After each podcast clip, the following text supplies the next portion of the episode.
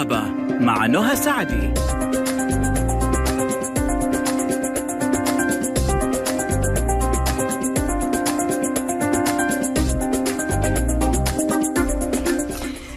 الرحمن الرحيم. السلام عليكم ورحمة الله وبركاته. أحلى مستمعين مستمعي ألف ألف أف أم الموجة السعودية.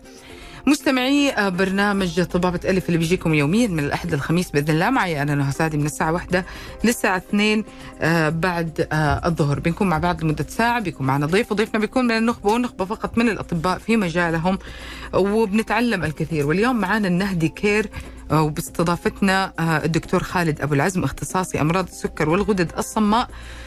عضو الجمعية الأوروبية لدراسة مرضى السكري وعضو الجمعية الأمريكية لمرضى السكري وعضو الجمعية المصرية لأمراض الكبد.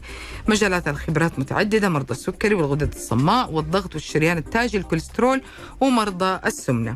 واليوم اخترنا لكم موضوع صراحة أنا أشوفه جدا شيق لأنه هذا الموضوع أشغل الناس مرة كثير وصار صرنا نشخص بعض في البيت. إيه لا عشان عندك خمول لا عشان عندك خمول لا عشان خلاص صارت قرار بالنسبة لنا. حنتكلم في تفاصيل هذا الموضوع لكن قبلها خليني أقول لكم كيف تقدروا تتواصلوا معنا. إذا اتصال على صفر واحد اثنين ستة واحد ستة واحد واحد صفر صفر. إذا رسالة على صفر خمسة وخمسين ستة وستين ثمانية تسعة صفرين واحد. معك iPhone معك iPad معك أي جهاز نظام iOS ادخل على متجر أبل أو Apple Store حمل تطبيق ألف ألف أف أم. معك جهاز نظام أندرويد ادخل على Google Play حمل نفس التطبيق فيسبوك تويتر انستغرام قناة اليوتيوب كلها على نفس الحساب ألف ألف FM. سناب شات على ألف ألف FM live وأحب أقول لكم إنه الآن في عيادات النهدي كير باقة تحليل الغدة الدرقية ب 900 ريال فقط بدل من 1200 ريال وبتشمل استشارة دكتور البطنية تحليل مخزون الحديد وتحليل وظائف الغدة الدرقية صورة الدم وأشعة للغدة. أحجزوا واستفسروا بالاتصال على الرقم 92 0024 673 92 0024 673 أو عن طريق تطبيق عيادات النهدي كير. نهدي كير رعاية من القلب. دكتور خالد كيف حالك؟ يا أهلا وسهلا بيكي وبالمستمعين واهلا منورين كلكم. النهارده حلقة مهمة جدا من بقى أكثر الأطباء اللي أستفيد منهم ربنا يخليك يا فندم. آه، إجابة واضحة و- و- وحاضرة وموجودة وسهلة يعني يفهمها الشخص لأنه في حاجات كده من مجرد ما تتقال أسماء كده نضيع إحنا. ال ال ال خلينا أول حاجة بس نعرف الغدة الدرقية مكانها ووظيفتها بس عشان يكون الكلام واضح باقي هي الحلقة الناس طبعا عارفة إن في غدد في الجسم كتير لكن الغده الدرقيه اللي موجودة في الرقبة. موجودة مكانها بيبقى في الرقبة. لو في طبعا آه، فيديو كنا ورينا صور معينة دي بتبقى موجودة في الرقبة. ودي مسؤولة عن ال- الميزان بتاع الجسم. ده ميزان. ربنا سبحانه وتعالى خلق كل حاجة بقدر. دي لا تزيد ولا تقل. هي لها آه، رتم معين مفروض لا يزيد ولا يقل. لو زاد يبقى زيادة نشاط. لو قل هيبقى قلة نشاط. موقعها. في الرقبة. خلينا هنا نتعرف عند على القصب آه تحت ال- القصبة الهوائية. هنا ما بين القصبة الهوائية في الرقبة في نص الرقبة هنا. مم. طبعا هي مش الحتة اللي شايفينها إحنا في الرقبة دي نقول ده تفاحه آدم. لا دي دي حاجة جوه كده. بتر فلاي عاملة زي الفراشه مم. نايمة كده على على المنطقة دي وبتبقى بتر فلاي آه عرفنا وظيفتها؟ تمام. عرفنا مكانها. لسه ما عرفناش وظيفتها خالص. إحنا لسه خلاص، بنتكلم على الوظيفة. الوظيفة هي اللي حتودينا آه. في داهيه هي اللي هي اللي حتعرفوا فيها قديش آه. اللي اخطر يعني عرفنا مكانها. عفوا. بالظبط نتكلم الآن على وظيفة الغدة الدرقية. آه، الغدة الدرقية إحنا النهارده الحلقة بتاعتنا هيبقى على شق معين لأن الغدة الدرقية فيها وظائف كتيرة جدا. مفيش خلية في الجسم بتشتغل إلا معاها هرمون الغدة الدرقية. مم. الهرمون ده بيفرز من الغدة الدرقية. عارفين حضرتك بالظبط هفسرها للناس عشان تفهمها بسهولة.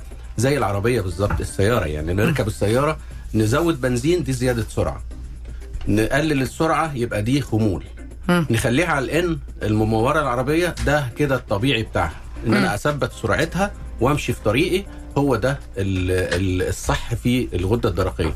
يبقى المفروض إن أنا ما أمشيش لا أزود السرعة ولا أقلل السرعة. الغده الدرقيه مسؤوله عن نشاط الجسم كله الميتابوليزم الحرق بتاع الجسم ميتابوليزم ال- ال- الحاجات اللي هي خاصه بالنظام الغذائي الصحي بتاع الجسم.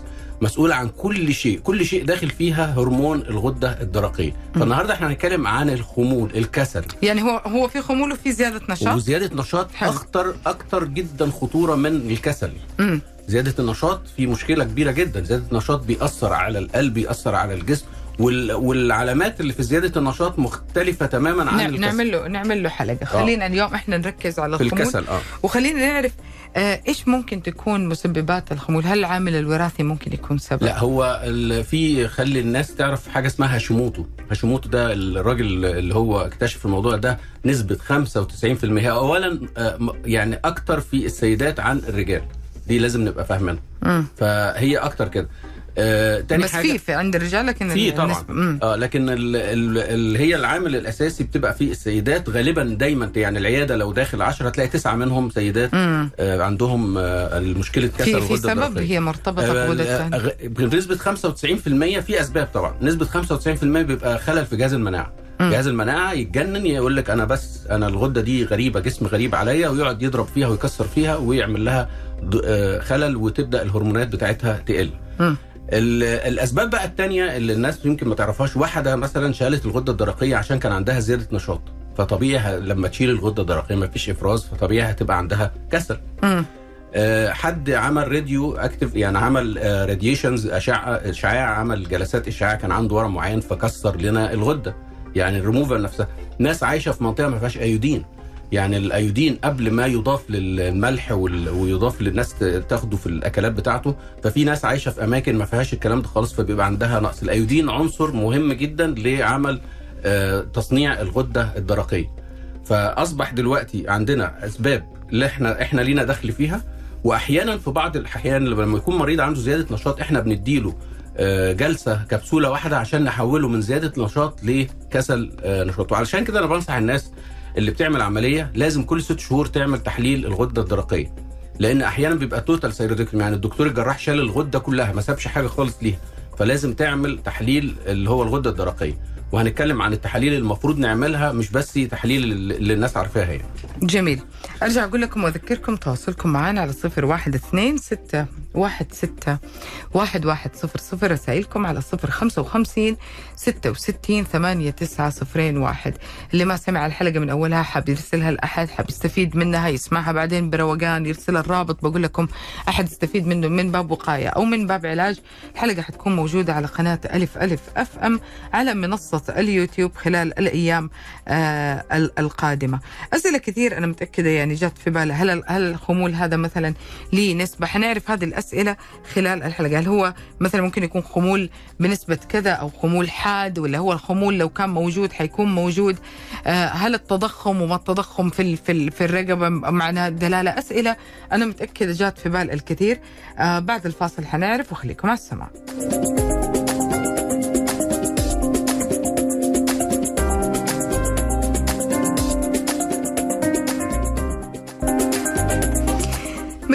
مكملين معاكم واليوم ضيفنا الدكتور خالد أبو العزم اختصاصي أمراض السكر والغدد الصماء وبنحل لغز ال- الغده الدرقية والمغالطات اللي حولها.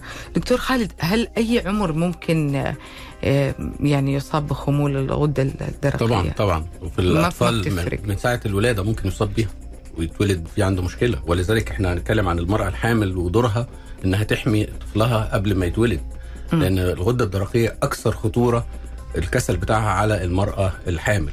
يعني و- عرفنا انه إنه هو ما يعرف عمر وعرفنا إنه هو يميل للنساء أكثر. أيوة، آه، بالضبط يعني كده. هذه هذه هو يعني خلاص هذه الأمور يعني مو حلوة بس مو مشكلة. يعني بتحصل. آه، هل هل في أسباب ثانية إحنا إحنا حابين نقولها على الهواء؟ آه لا هو ال- الموضوع ال- ال- اليود دلوقتي بقى الموضوع محلول. هو زمان كانت الحالات أكتر كتير. يعني ال- الحالات كانت أكتر. لكن هي 95% زي ما قلنا خلل في جهاز المناعة حاجة ما لناش ذنب فيها خالص عشان كده دايما بنطلب تحليل الأجسام المضادة لما بيكون في كسل في الغدة الدرقية يعني الجهاز المناعة زي الأمراض المناعية ال rheumatoid وال systemic والذئبه الحمراء والحاجات دي كلها هو لقوا إن 95% من الحالات بنسبة كبيرة جدا Hashimoto thyroiditis التهاب في المناعة أو الناس اللي شايلة بقى الغدد هل في آه. أمراض ثانية ممكن تسبب خمول؟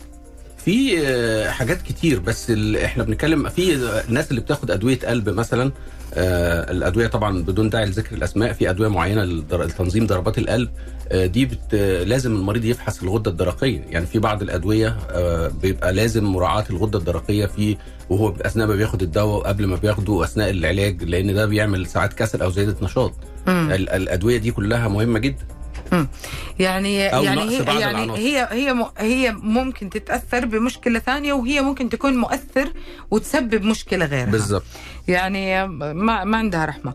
طيب خلينا نقول إنه آه، بدأ الخمول مثلا. هل في بدايته أعراض؟ آه. آه وهل في مثلا لتفاقم الحالة أو تقدم الحالة أعراض أكثر؟ آه طبعا. يعني في يمكن آه، ممثل مشهور آه، ما فيش داعي لذكر برضه الأسماء يعني حصل ده هي المشكلة إن هو إيه اما الواحد بيسمع الكلام اللي حواليه وما بيروحش لطبيب يكشف. يعني ده انه وزنه عمال يزيد آه، بيحس ببرودة في في جسمه آه، بشكل آه، آه، رهيب. البرودة دي الناس تبقى مش فاتح المكيف ومش قادر يستحمله خالص. دي يمكن من الأعراض. في أعراض في الطب بتبقى أعراض كومن يعني شائعة وأعراض غير شائعة. يعني مثلا في مريض بيجي يفسر نفسه أنا عندي كذا كذا يبقى أنا على طول ده كذا مم. لكن في مريض تاني يروح مثلا لدكتورة الجلدية أو دكتور جلدية يقول له أنا عندي جفاف في الجلد. يقعد يكتب له كريمات ومش عارف إيه وحاجات زي كده و... أو يقول له سقوط في الشعر. إحنا بقى كبطنة أو كغدد نلقط الحالة دي. على طول أعمل له لازم الغدة الدرقية. أنا بعتبر إن الغدة الدرقية دلوقتي بقت في الروتين انفستيجيشن يعني في ال- الفحص الدوري مم. ما. بقتش بقى حتة إن أنا عندي أعراض عندي خالص. مشاكل مم. لا ده أنا لازم كمان ألقط الحالة من بدايتها لأن هي مرتبطة بكثير من المجالات الطبية بالظبط بالظبط يعني هو دلوقتي هرمون الغدة الدرقية مرتبط بكل العمليات الحيوية في الجسم اطباء التجميل بيطلبوا آه. تحليل كله كله الدرقية. كله اللي عايز يخس يقول لك أنا عايز أشوف الحرق عندي هي مرتبطة أكتر الناس تعرف عشان أنا أنا جسمي زاد والفرق بقى بين زيادة الجسم في الغدة الدرقية والإنسان العادي إنه أكله ما اتغيرش. هو بياكل نفس الوجبات ونفس الأكل بس جسمه بيزيد لأن ما بيحرقش. مم. فعلشان كده ده يروح لدكتور يقول له طب خد اجري آه، خد جلوكوفاج خد مثلا أدوية الميتفورمين اللي هي تاخد أدوية الفلانية. لكن هو في الآخر آه، بينزلش الوزن عشان عنده الغدة فيها خمول أو كسل. مم. تمام؟ وفي برضو يعني مثلا يحس بإرهاق وتعب. واحد حاسس بإرهاق وتعب خالص. غير كده وال... والإمساك. ما هو ما فيش. ما هو ال... ال... ال... الحاجات حركة الجهاز الهضمي وكل ده بيجي بيشتكي. يعني أحيانا كتير جدا يجي مريض يشتكي بإمساك. صح. إمساك بس ما بيشتكيش من أي حاجة تانية. مع إنه ياكله طبيعي ومع إنه وأكله كل طبيعي شيء- وكل حاجة طبيعي أو يشتكي بكرامبات في العضلات. مم. جاي يشتكي آه. ولذلك دايما ندعو الناس كلها إنها تعمل التحاليل. وأنا يعني من خلال منصة حضرتك هنا بنصح أي سيدة داخلة على الطريق الحمل أو الإنجاب لازم روتين انفستيجيشن قبل ما تعمل تفكر في الحمل تعمل تحاليل الغدة الدرقية وتحليل السكر التراكمي علشان لأن ال- ال baby بيبقى آه، معتمد اعتماد كلي على الأم في أول ثلاث شهور فعشان الغدة الدرقية. دكتور هل الأعراض كلها لازم تكون موجودة ولا يكفي ظهور بعضها؟ لا ما فيش في الطب كده. ما إحنا قلنا في حاجة اسمها الأعراض الشائعة والأعراض الغير شائعة. يعني بيسموها ال atypical presentation. يعني هل هل ال atypical presentation العيان جاي يتكلم آه، واحد بينام ومرهق تعبان كسل بقى النموذجي المريض آه, النموذجي آه اللي هو نموذج وزنه زايد آه، ورجليه مورمة وشه. منفوخ. ده اللي هو ال common بقى اللي إحنا ممكن نشوفه ده بيوصل بقى المرحلة دي بيكون وصل بقى إيه التحاليل الغدة بتبقى يعني سيئة جدا. لكن في بقى زي ما قلت لحضرتك كده بنلقطه بقى واحد مثلا شعره بيسقط عندي شعر بيسقط أو شعر الحاجب الخارجي بيبقى قليل جدا بيقل أو برودة بقى. معظم الناس تيجي تشتكي ببرودة. جسمي بردان جامد يا دكتور وما. بعرفش خالص انام في المكيف. ناخذ اتصال. محمد. مرحبا مساء الخير. يا هلا من وين يا محمد؟ من حايل. تفضل أنا عندي سو أنا عندي الغدة الدرقية حلو؟ قبل من الولادة. زين. وعندي سكر. هم. يعني السمنة كانت 150 قبل خمس سنوات يعني من الولادة. لكن قبل أربع سنوات جاني سكر وتراكمي وصل ستة حلو؟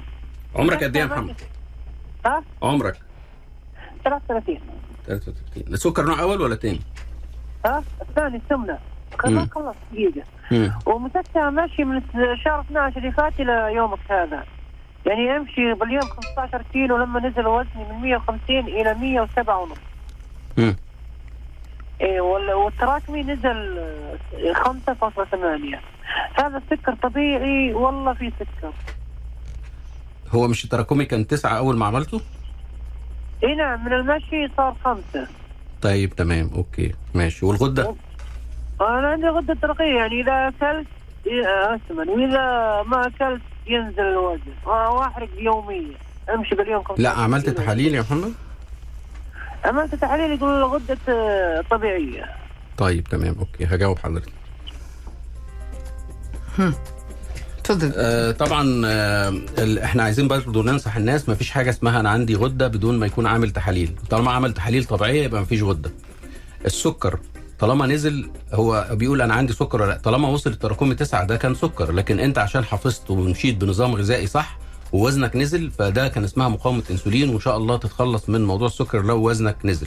ودي من الحالات اللي بتشفى تماما من السكر لما الوزن يبقى طالما 150 كيلو وينزل للوزن الطبيعي إن شاء الله تبقى الحياة طبيعية بعد كده. هل هل في ناس أكثر عرضة من غيرهم لخمول الغدة؟ يعني بيساهموا هم في الموضوع من الآخر. هو ال females الس- السيدات طيب. أكتر عرضة طبعا. في حاجة ثانية لا ما فيش إحنا إحنا إحنا ورا كل المشاكل غيره. حتى دي آه الناس اللي شايلة الغدد بقى. لا كيف كيف بيساهم أكثر الشخص بإنه مثلا آه ما بياكلش؟ أكل صحي. ما بياكلش الأكلات البحرية الحاجات اللي فيها اليود. آه ما بيستعملش الملح اللي فيه اليود. كل ده طبعا ما هو قلة اليود نفسها. اليود ده مهم عشان أصنع بيه الهرمون. تمام؟ وممكن يحصل كسل بطريقة تانية يعني في كسل بطريقة تانية. ال- الناس بتعمل التحاليل يطلع التحليل طبيعي بس هو عنده أعراض كسل الغده الدرقيه هقول لكم عليها دلوقتي. اللي هي إيه؟ يعني مثلا أنا عندي عشان الغدة الدرقيه تشتغل محتاجة في اللي هو المخزون الحديد يبقى كويس ومحت... ولذلك معظم السيدات تعمل مخزون الحديد اللي قليل جدا.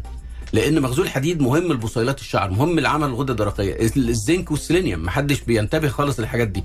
طب أنا عندي يا دكتور عملت تحليل غده درقيه طالع طبيعي بس عندي أعراض. لا يبقى عندك حضرتك لازم نعمل التحاليل التانية دي نتأكد وناخد مضادات الأكسدة لأن من غيرها الغده الدرقيه مش هتعرف تشتغل. جميل. آه، أش أشياء كثير فينا وممكن تكون أسئلة وممكن أنا أرجع أقول لكم في موضوع دائما أنا أصر عليه. لا لا تفتي ولا تشخص نفسك في البيت. تمام. يعني مرة من الأشياء الجميلة اللي ذكرتها دكتور خالد اليوم إنه آه يدخل في مع, مع الروتين مع الفحص الروتيني الفحص ال- ال- طبعاً. ال- الدوري. آه حننتقل لسه للعلاج وللوقاية. بس خلينا الآن برضو نسأل آه أسئلتنا. آه إحنا قلنا المعرضين كمان حتى لل لل للإصابة. هل الشخص اللي أصلا زايد وزنه ما كان عنده مشاكل بس هو عنده زيادة في الوزن. هل يكون أكثر عرضة لهذه المشكلة؟ الإنسولين مع زيادة الوزن بيعلى. الإنسولين بيعوق عمل أي حاجة في الجسم. فلذلك السمنة من العوامل اللي تسبب لنا مشاكل كبيرة جدا. وده بيساعد طبعا بيساعد على ال- الكسل والخمول الغدة الدرقية. لأن الهرمونات ما بتعرفش تشتغل في الجو ده خالص. يعني الهرمونات عشان تشتغل عايزة جسم صحي. فلما يكون في آه، زيادة في الوزن يعني زيادة وزن يعني دهون زيادة يعني إنسولين زيادة. والإنسولين مش بس بيشتغل على الموضوع ده بيشتغل على ال- الهرمون ال- الغدة الدرقيه تلاقي بقى مثلا الناس اللي عندها سمنة عندها خلل في السكر عندها خلل في اليوريك أسيد اللي هو النقرس عندها خلل في دهون الكبد عندها خلل في حاجات كتير. مهم. يعني مشاكل انت بتتعرض لها وتكون عارف انه انت ب- ب- بتت- بتتعرض لها وبنتجاهلها بالظبط في حال تجاهل مم. المشاكل هذه كلها إيش المضاعفات اللي ممكن تحصل من خم- خمول الغدة الدرقية ده اولا زيادة الوزن غير عادية تمام مم. الالتهاب الأعصاب الاكتئاب ممكن يصاب المريض باكتئاب شديد وهو ما هوش عارف فيه إيه مجرد إنه مش عايز يروح يحلل. تمام عدم الحركة قاعد ما بيتحركش خالص بيصابوا بحاجات لوكال حاجات بتحصل في في الوزن بتاعه تورم في الساقين. تبص تلاقي القلب بيتأثر. انت عارف حضرتك ان إحنا ممكن نكتشف مريض الغدة الدرقية من عدد ضربات القلب. يعني أنا اكشف عليه كده الاقي عدد ضربات القلب دي أقل من 60 طيب آه. احتمال كبير جدا ان هو يكون عنده كسل وخمول في الغدة الدرقية. ما هو ال- العربية واقفة ما بتمشيش. مم. فطبعا لما تكون السيارة دي واقفة ما بتتحركش وواقفة م- ماشية بسرعة بطيئة بتحسي بتحس إن إيه ده الدنيا واقفة. فضربات القلب لما تقل ده علامة قوية جدا إن في كسل وده يأثر على ال- القلب نفسه. فتأثيره على أجهزة الجسم كلها مش بس على آه، موضوع ال- الوزن بس لا على أجهزة الجسم. واحد بيتحول من إنسان كان نشيط وبيشتغل إلى واحد هانديكاب ما بيقعدش ما بيشتغلش بيأثر. حنطلع فاصل آه، مستمعينا ومكملين معاكم. ودكتور خالد أبو العزم اختصاصي أمراض السكر والغدد الصماء. فاصل قصير جدا خليكم مع السماع.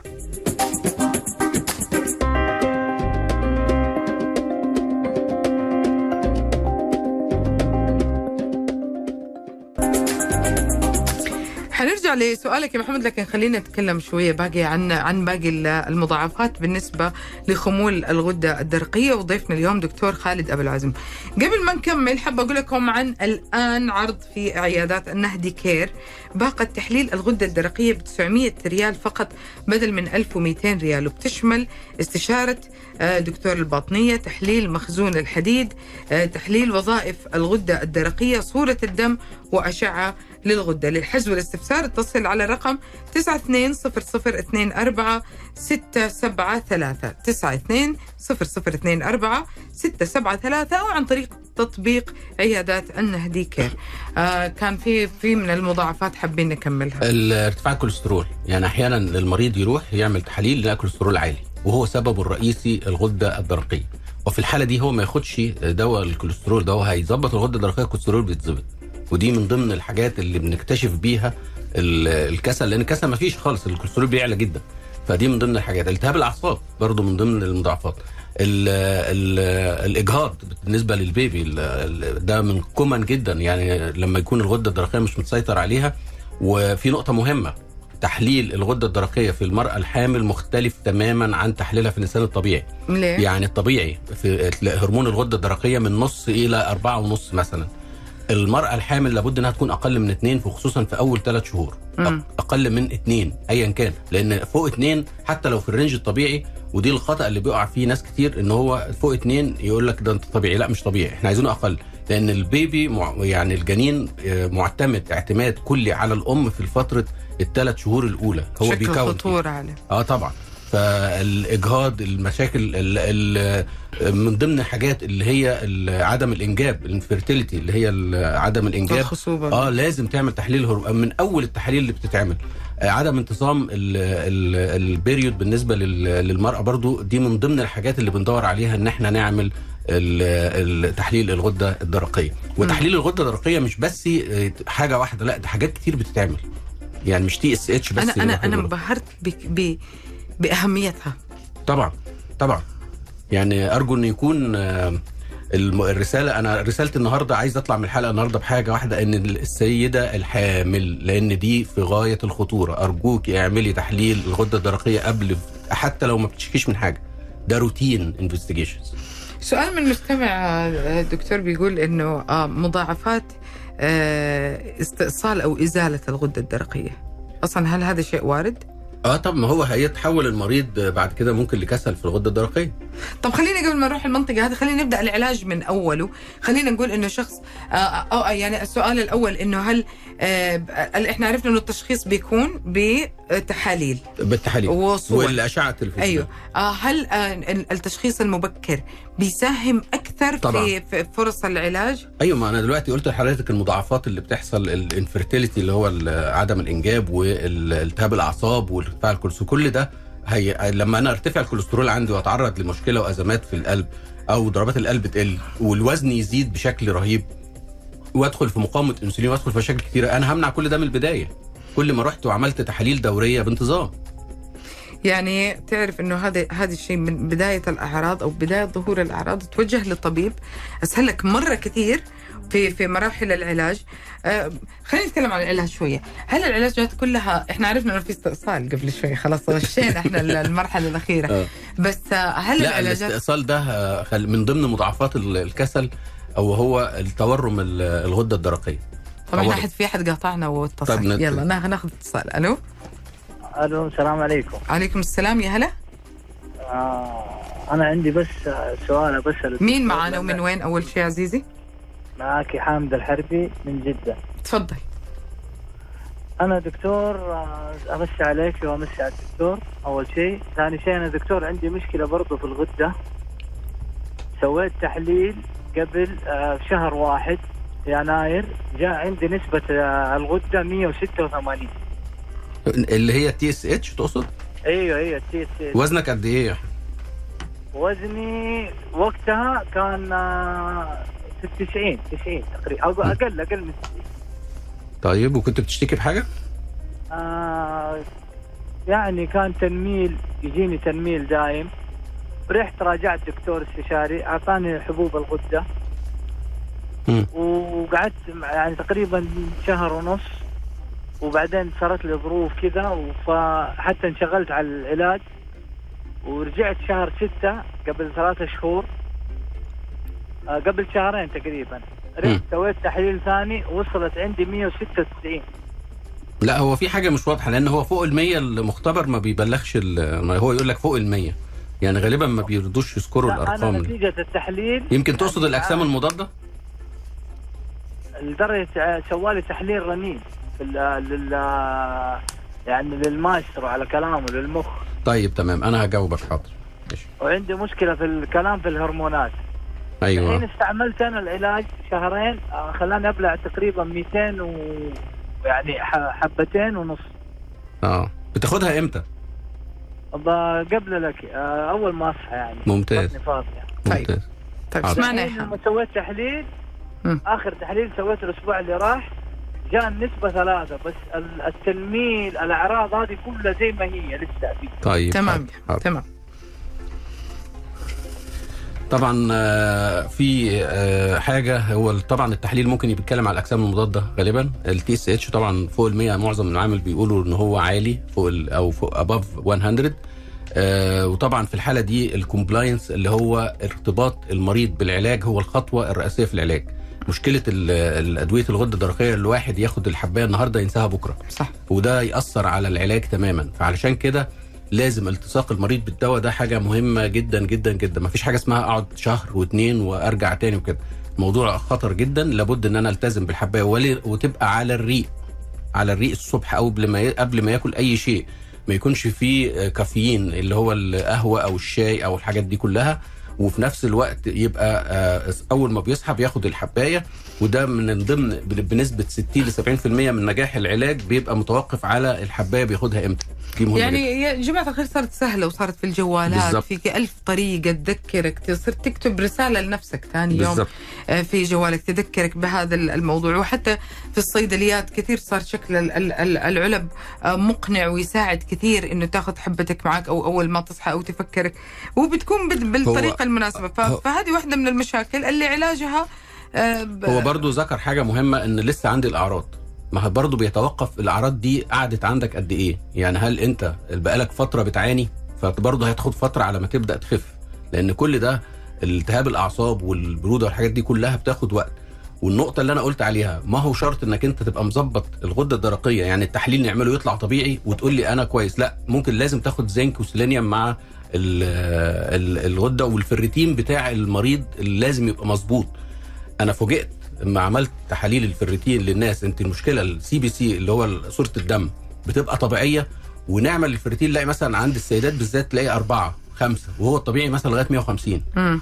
في فرق بين الطبيعي وال... وال... واللي هو مثلا المعامل أو المختبرات تقول لك الطبيعي من 15 ل 150 فلما يكون المريض عنده 16 يقول لك ما أنا طبيعي. لا مش طبيعي خالص. صح آه, صح. هذه هذه مشكلتنا صح. إحنا مو إحنا اللي المفروض نقرأ ال- آه بالظبط التحاليل. آه. صح لا وحتى اللي يقولوا لهم لا أنت تحليلك طبيعي مش محتاج تاخد. لا بالعكس. كلنا تعرضنا لهذا الموقف. إحنا إحنا ما بنقول ما ما هو شيء بس كلنا تعرضنا لهذا الموقف إنه إحنا آه، قرأنا أو شفنا. وأرجع أقول لكم أيوه المعلومات على النت مرة كثير ورائعة إلا إنه في هذه المواقف مو هي آه، ال- القرار. بيكون طبيبك ويكون الشخص اللي أنت بتتابع معه هو اللي يعرف عنك كل شيء. صفر آه، خمسة وخمسين ستة وستين ثمانية تسعة صفرين واحد. آه، صفر خمسة وخمسين 66 8 9 0 1 أما اتصالاتكم على 0 12 61 61 100 0 12 61 61 100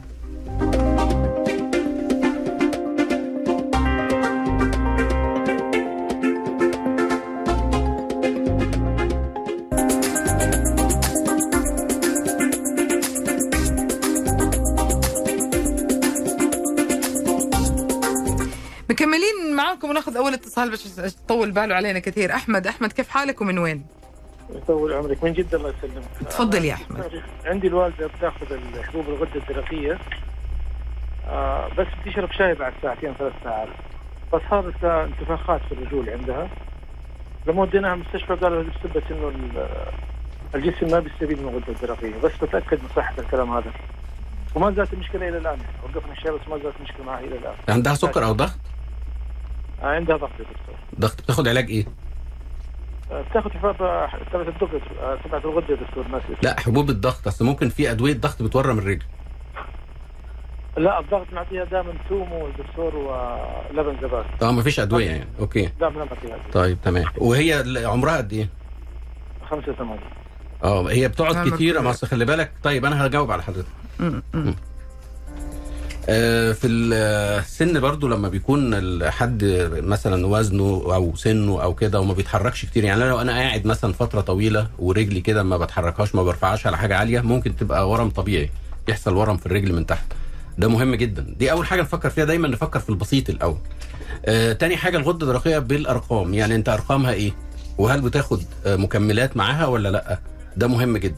ونراجع طبعا ال history كله نراجع ده السكر راجع كل حاجة لأن تورم الرجل مش حاجة خاصة بحاجة واحدة لا ده أسبابها كتير. مم. ممكن أسباب local في المكان أو أسباب في الكلى أسباب في الكبد فلازم نراجع كل الأجهزة دي كلها. حتة شرب الشاي بعدها بساعتين ثلاثة مش مشكلة أهم حاجة الساعة الأولانية.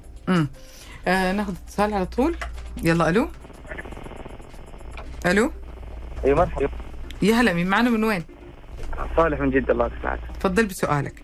أبغى استفسر بخصوص الغدة الدرقيه الله يعطيك العافية آه، الله يعطيك العافية يا دكتور بيك. قبل فترة آه، فحصت ال- عند دكتور الباطنيين هو قال لي عندك آه، كسر في الغدة الدرقيه بس نسبة بسيطة فأعطاني ادويه لمدة شهرين اللي هي اعتقد 25 آه، أف- مي. جرعة.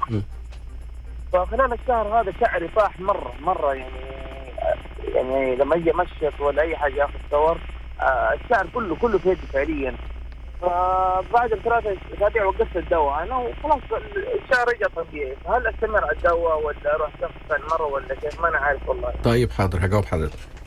تفضل. طبعا يتوقف على ال- ال- الفريتين مخزون الحديد. الشعر بيحتاج الفريتين. هو ده المية اللي بتروي الزرع زي ما بيقولوا. الفريتين لو قليل هيأثر جدا على الشعر. الغدة الدرقية لازم التحليل يبقى مظبوط وتكون بتاخد المكملات الغذائية اللي بتساعد الغدة الدرقية. وتاخد الأدوية صح في ميعادها. الهرمون اللي بتاخده تاخده قبل ال- الأكل بساعة. آه، لو نسيت وكلت بتاخده بعد الأكل بساعتين. طيب دكتور خالد آه، لو جينا نتكلم على على العلاج هل في مثلا ممكن تكون مرحلة من مراحل الخمول يكون علاجها بس فقط في تغيير نمط الحياة آه، ولا ولا طرق العلاج محددة ومعروفة اختلاف أنواعها هل في الإبر هل في الأدوية هل في مثلا الجراحات إيش ممكن تكون طرق آه، العلاج؟ بيتوقف على السبب. السبب لو هو خلل في جهاز المناعة كان سببه إيه؟ آه، في ناس بتبقى الغدة الدرقية تستمر معاه مدى الحياة وفي ناس بتبقى فترة مؤقتة وبيتعالج ويبقى كويس. فهتتوقف على السبب اللي هو أصاب الغدة الدرقية. مهم. ناخذ اتصال يلا ألو السلام عليكم وعليكم السلام كيف حالك أختي؟ شلونك؟ يا هلا مين معنا من وين؟ محمد من حايل. تفضل يا محمد.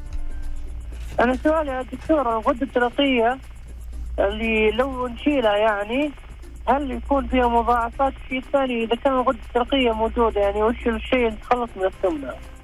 آه طيب. أشياء مثل الاكل مثل الشرب. يعني تقصد إن أنت عايز تشيل الغدة علشان السمنة؟ اي نعم ده أنت هتصاب بالسمنة أصلا لأن. اللي هيحصل كسل. هجاوبك حاضر. آه، طبعا شيل الغدة ده بيشال في حاله اللي هو لو كان فيها عاملة ورم في الرقبة زي الجويتر دي اللي بيسموها اللي هو تورم الرقبة دي. من ضمن الأعراض برضو إن ممكن مريض يروح لدكتور وعنده كسل ورقبته حد يلاحظ وخصوصا إيه؟ هو ما بياخدش باله. يعني حد يقول له مال رقبتك فيها؟ انت في ورم كده ظاهر في. الرقبة. دي. بيبقى مهم جدا. آه، حتة بقى ان أنا أفكر اشيل آه، ال- الغدة علشان السمنة. لا هي الغدة شيلها هو اللي بيعمل السمنة. مم. لأن زيادة النشاط ده اللي إحنا إذا خمولها بيعمل آه سمنه فما شيلها خالص. فنشيلها آه. منطقي. آه. في منطق. طيب نرجع بس آه، دكتور يعني في للعلاج والوقاية عشان نستغل الخمس دقائق الأخيرة هذه. تمام. طبعا ممارسة الرياضة آه، علاج مقاومة الإنسولين ال- اليود مهم جدا انه يبقى في الأكل بتاعنا في الملح باليود والأمور دي كلها تبقى مهمة. عدم التوتر الاسترس يأثر على جهاز المناعة. احترنا في الملح لحظة. آه. ناكل ملح ولا ما ناكل ملح ما هو على حسب ما أنا بقى اكلي صحي. يعني أنا مثلا نتكلم اليود ده موجود في إيه؟ في الأكلات البحرية. هل أنا باكل أكلات بحرية؟ الأعشاب البحرية. الحاجات اللي بيبقى التربة بتاعتها فيها يود البيض اللحوم الحاجات دي كلها. تمام؟ فأنا دي أكتر حاجة فيها يود. فأنا باكل الحاجات دي ولا لأ؟ خلاص مفيش مشكلة. عندي history يعني عندي آه، آه، يعني history قصة في العيلة إن ال- العيلة دي فيها الأم عندها غدة درقية ال- البنت عندها كده. دي برضو من الحاجات المهمة. الضغط العصبي والتوتر العصبي يأثر على عمل أي حاجة في في الجسم. النوم الكويس ده مهم جدا لمناعة الجسم. خلل المناعة بيجي نتيجة فقد للحاجات دي كلها. فيتامين د مهم جدا لأن بيعمل modulation لل immunity يعني بيساعد على إنه يخلي ال- ال immunity بتاعت الجسم في مستوى متعادل.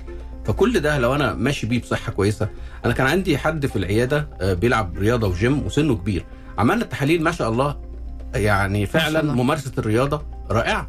تسألني مفيش- أنا دكتور. آه. طب حاجة حاجة صعبة يعني حاجة بس سبحان الله تتعود عليها. يجي يوم وتتعود عليها.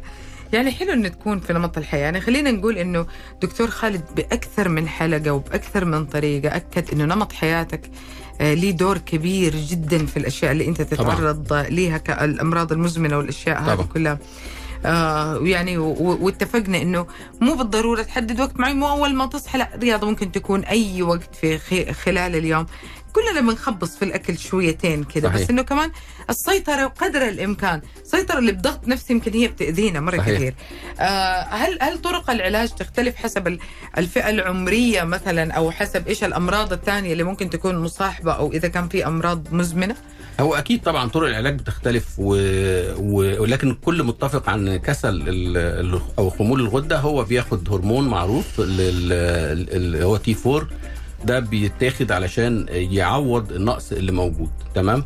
ولازم نفهم كويس جدا الرسالة اللي هقولها للكل دلوقتي إن مش معنى إن أنا خدت الهرمون إن كده أنا حليت الموضوع لأ. الهرمون علشان يشتغل محتاج كبد كويس وكلى كويسة ومحتاج جسم صحي. لأن عشان اللي إحنا ما نعرفوش إن الهرمون ال T 4 ده بيتحول للهرمون ده مش النشيط بيتحول لهرمون نشيط ال T 3 اللي إحنا دايما نعمله يقول لك اعملي ال T 3 وال T 4 وال TSH. أنا بعمله ولا أعرف اسميه بالظبط. التي 3 ده عشان يتحول لازم كبد كويس لازم كلى كويس لازم الجسم بتاعنا كويس. طب نفترض واحد عنده مشاكل في في الجهاز الهضمي وفي الحاجات دي كلها تحويل الهرمون ما بيبقاش يطلع القرايات مظبوطة هو بيعاني وتعبان منها جدا. مم. فده مهم جدا. سلامة الجسم كله آه، حاجة واحدة مش حاجة مقسمة لحاجات كتير.